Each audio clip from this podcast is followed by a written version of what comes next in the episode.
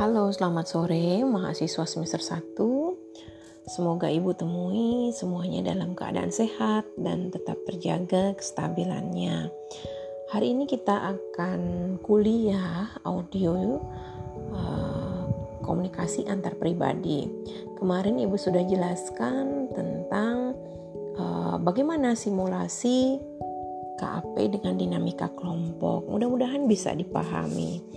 Ya, oke. Uh, biar tidak terlalu lama, jadi ibu akan ucapkan salam terlebih dahulu. Om Swastiastu. Assalamualaikum warahmatullahi wabarakatuh. Salam sejahtera untuk kita semua. Salam Namo Buddhaya. Ya, jadi uh, kemarin ibu sudah sampaikan, uh, tolong dipelajari tentang uh, fungsi KAP gitu ya materinya dari slide 9 sampai 24. Mudah-mudahan sudah dibaca-baca karena Ibu kemarin uh, kasih tahu ke kalian kuliahnya agak santai begitu ya. Oke, selanjutnya kita cek dulu di slide 9. Ibu akan coba menjelaskan. Ya, uh, fungsi komunikasi antar pribadi. Nah, pertama dia memenuhi kebutuhan sosial psikologis. Ya, jelas ya. Kita adalah makhluk sosial. Makhluk sosial tidak bisa uh, sendiri. Jadi dia membutuhkan bantuan ataupun uh, uh, apa? Uh, pemberian ataupun penerimaan dari orang lain gitu ya karena kita bernama makhluk sosial sehingga secara uh, sosial dan psikologis kita memerlukan bahasa untuk memediasi bagaimana kita berhubungan dengan orang lain. Jadi bahasa di sini memiliki fungsi memenuhi kebutuhan sosial dan psikologis. Itu jelas banget ya. Nah, kemudian yang kedua, mengembangkan kesadaran diri. Ya, komunikasi antar pribadi juga dapat mengembangkan kesadaran diri. Maksudnya, saat kita melakukan komunikasi kepada orang lain, kepada komunikan, nah, dalam percakapan-percakapan uh, ataupun komunikasi yang berlangsung baik itu di akhir komunikasi dalam proses komunikasi tersebut sering kali kita sebagai manusia yang bersosial uh, makhluk sosial kita memiliki kesadaran akan diri. Bahwa misalnya saat kalian deh contohnya berkomunikasi satu sama lain dalam proses komunikasi ternyata memiliki kesadaran diri. Oh iya ya benar misalnya ya. Oh iya ya benar juga apa yang dikatakan dia gitu. Pada saat komunikasi sudah berjalan ya ada eh, hal-hal uh, yang bisa kita maknai dalam proses komunikasi tersebut. Kemudian uh, fungsi selanjutnya adalah kos konsistensi hubungan atau menetapkan hubungan dengan orang lain. Ya, jelas, fungsi komunikasi antar pribadi memiliki konsistensi hubungan. Nah, contohnya uh, bagaimana kita uh, dapat konsisten uh, menjalin hubungan dengan misalnya pengajar atau dosen di kampus gitu ya. Berarti kita mesti membangun komunikasi yang uh, sopan mungkin ya membangun komunikasi yang baik gitu yang uh, tidak frontal tidak berontak mungkin komunikasinya ya sehingga memiliki hubungan yang baik dalam berkomunikasi Nah, begitu juga contohnya dengan teman-teman di sekeliling kita gitu. Pada saat kita merasa cocok dengan si A atau si B, kita akan membangun konsistensi hubungan dengan mereka. Sehingga terasa uh, dengan si A itu deket banget komunikasinya nyambung gitu ya. Cerita ke mana-mana wah nggak nggak nggak selesai-selesai kalau ngechat gitu misalnya. Nah tetapi belum tentu juga si B bisa senyambung dengan si A misalnya gitu ya. Sehingga konsistensi atau menetapkan hubungan itu kita berlakukan kepada si A oh ini hubungannya lebih dekat teman tapi dekat lah sudah gitu ya. Karena karena itu tadi komunikasi kita nyambung. Dan dengan si B mungkin uh, komunikasinya standar biasa gitu ya. Sehingga kita menetapkan hubungan juga uh, oke okay, dia teman tapi tapi tidak dekat mungkin begitu gitu ya nah itu contoh saja silahkan kalian bisa mencari contoh yang lainnya. Kemudian mendapat mendapatkan informasi. Ya jelas banget yang namanya uh, komunikasi kita akan mendapatkan informasi apa pun uh, dari proses komunikasi itu gitu ya uh, misalnya ya kita berkomunikasi ini kayak ibu ke kalian uh, berkomunikasi gitu ya komunikator kepada komunikan. Berarti kan kalian mendapatkan uh, informasi tentang apa yang kalian butuhkan. Oh, saya sekarang butuh penjelasan tentang fungsi KAP dan kalian mendapatkan itu gitu ya.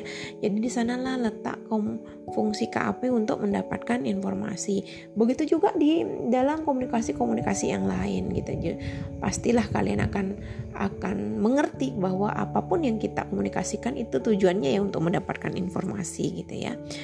Kemudian untuk mempengaruhi dan dipengaruhi oleh orang lain. Iya, benar banget ini ya. Jadi eh, fungsi bahasa, fungsi KHP itu juga untuk mempengaruhi orang lain, gitu ya, eh, atau dipengaruhi orang lain. Nah, jadi eh, bisa jadi kita mempengaruhi orang lain dengan bahasa kita, dengan komunikasi kita, atau justru kita yang dipengaruhi oleh apa yang dikatakan dalam komunikasi itu, gitu ya. Contohnya misalnya uh, uh, selalulah misalnya ada ada komunikator yang menyampaikan uh, selalulah berbuat kebaikan gitu ya karena kebaikan uh, yang kita lakukan akan menular kepada uh, orang lain sehingga kita seperti akan mendapat timbal baliknya kembali misalnya seperti itu ya. Nah, kata-kata ini bisa mempengaruhi orang lain. Jadi pada saat misalnya ibu ingin mengajak kalian untuk berbuat baik, ibu akan mengatakan kalimat-kalimat ini sehingga kalian akan merasa dipengaruhi gitu ya. Uh, kemudian pikirannya merasa dipengaruhi oleh kata-kata yang ibu berikan sehingga kalian akan melakukan kebaikan gitu ya. Jadi seperti itu fungsi KAP ya lumayan juga ya satu lembar ini bisa menjelaskan berapa menit sampai 10 menit gitu ya. Oke selanjutnya uh, prinsip KAP ya. Di sini prinsip KAP uh, eh, ada beberapa gitu ya di mana setiap bentuk komunikasi dia memiliki prosedur formal dan informal ya. Pada prinsipnya seperti itu gitu ya bahwa uh, apa pun bentuk komunikasinya selalu ada formal ataupun informal. Nah, dengan prosedur komunikasi gitu ya, kita dapat berjalan lancar tentunya dengan uh, efektif gitu untuk menuju komunikasi uh, yang baik tentunya gitu ya. Nah, beberapa prinsipnya itu apa sih? KAP itu bersifat relasional atau negosiasi mengenai hubungan. Jelas banget prinsip KAP kalau kita sudah berbicara dengan orang lain berarti itu kan ada relasi, ada negosiasi di sana. Berarti berhubungan satu sama lain gitu artinya ya, bersifat relasional. Nah, relasi kan berhubungan. Kemudian KAP mengandung maksud dan tujuan. Ya, jelas banget. Yang namanya komunikasi kan ada maksudnya, ada tujuannya di awal ya. Untuk apa komunikasi ini dilakukan seperti itu. Kemudian KHP bisa dipelajari, iya bisa dipelajari. Komunikasi itu bisa dipelajari pada prinsipnya sehingga kita dapat berkomunikasi dengan baik gitu. Contohnya sebelum kalian presentasi deh, pasti kalian belajar kan gitu ya tentang berkomunikasi gimana caranya agar audien itu memahami apa yang kita sampaikan. Nah dengan demikian uh, komunikasi dapat dipelajari gitu ya. Kemudian KAP berlangsung terus menerus iya apalagi udah cocok ya. Kalian aja kalau sama gebetan gitu ya kayak sama incarannya gitu. Kalau KAP-nya udah udah cocok udah diterima gitu dengan baik gitu ya uh, itu berlangsung terus menerus ya. Iya berlangsung terus menerus gitu ya pastinya uh, karena merasa uh, ada pem, ada, take and give memberi menerima gitu dalam proses komunikasi tersebut gitu. Begitupun kalau sudah cocok misalnya mendapatkan informasi misal kalian suka mata kuliah apa misalnya psikologi gitu ya. Nah, pada saat kalian uh, suka gitu ya dengan mata kuliah ini, prinsip yang sebelumnya gitu ya uh, bahwa tujuan dan maksud kita untuk mengikuti kuliah ini kan biar kita uh, bisa gitu memahami ya. Tapi kita senang memang di kuliah psikologi misalnya gitu ya. Mata kuliah psikologi. Nah otomatis kita akan uh, mencari atau uh, apa ya penasaran dengan ilmu ini. Nah, sehingga yang terjadi adalah uh, misal saat dosen mengajar uh, kamu sangat uh, interaktif, sangat aktif gitu ya, mendengarkan, kemudian bertanya gitu ya. Sehingga proses komunikasinya itu berlangsung terus-menerus karena baik itu di kelas, di luar kelas juga bertanya misalnya sama dosennya ya. Nah, itu. Jadi ada maksud dan tujuan di awalnya yang sehingga kita menjadi demen gitulah ya sama mata kuliahnya gitu. Itu contohnya. Kemudian selanjutnya prinsip KP berubah ya dalam proses encoding secara sadar gitu ya. Kalau encoding itu kan artinya uh, dari pikiran diterjemahkan menjadi komunikasi ya, di kode gitu ya, di kode gitu. Jadi uh, bagaimana audien itu menerima nggak gitu loh kode-kode kita secara sadar gitu loh dalam proses uh, KAP itu otomatis kan kalau terjadi hambatan berarti enkodo itu kan uh, tidak tersampaikan dengan baik gitu. Misalnya ketika kita pengen ngambil sesuatu gitu ya, tapi tangan nggak sampai, nah, minta tolong sama orang terus diucapkan terima kasih gitu ya.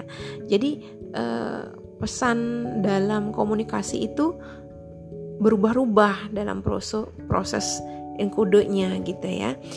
Nah, ini ini nanti ibu jelaskan secara lebih detail ya. Ini umum aja dulu jadi ada encoding decoding gitu ya nanti.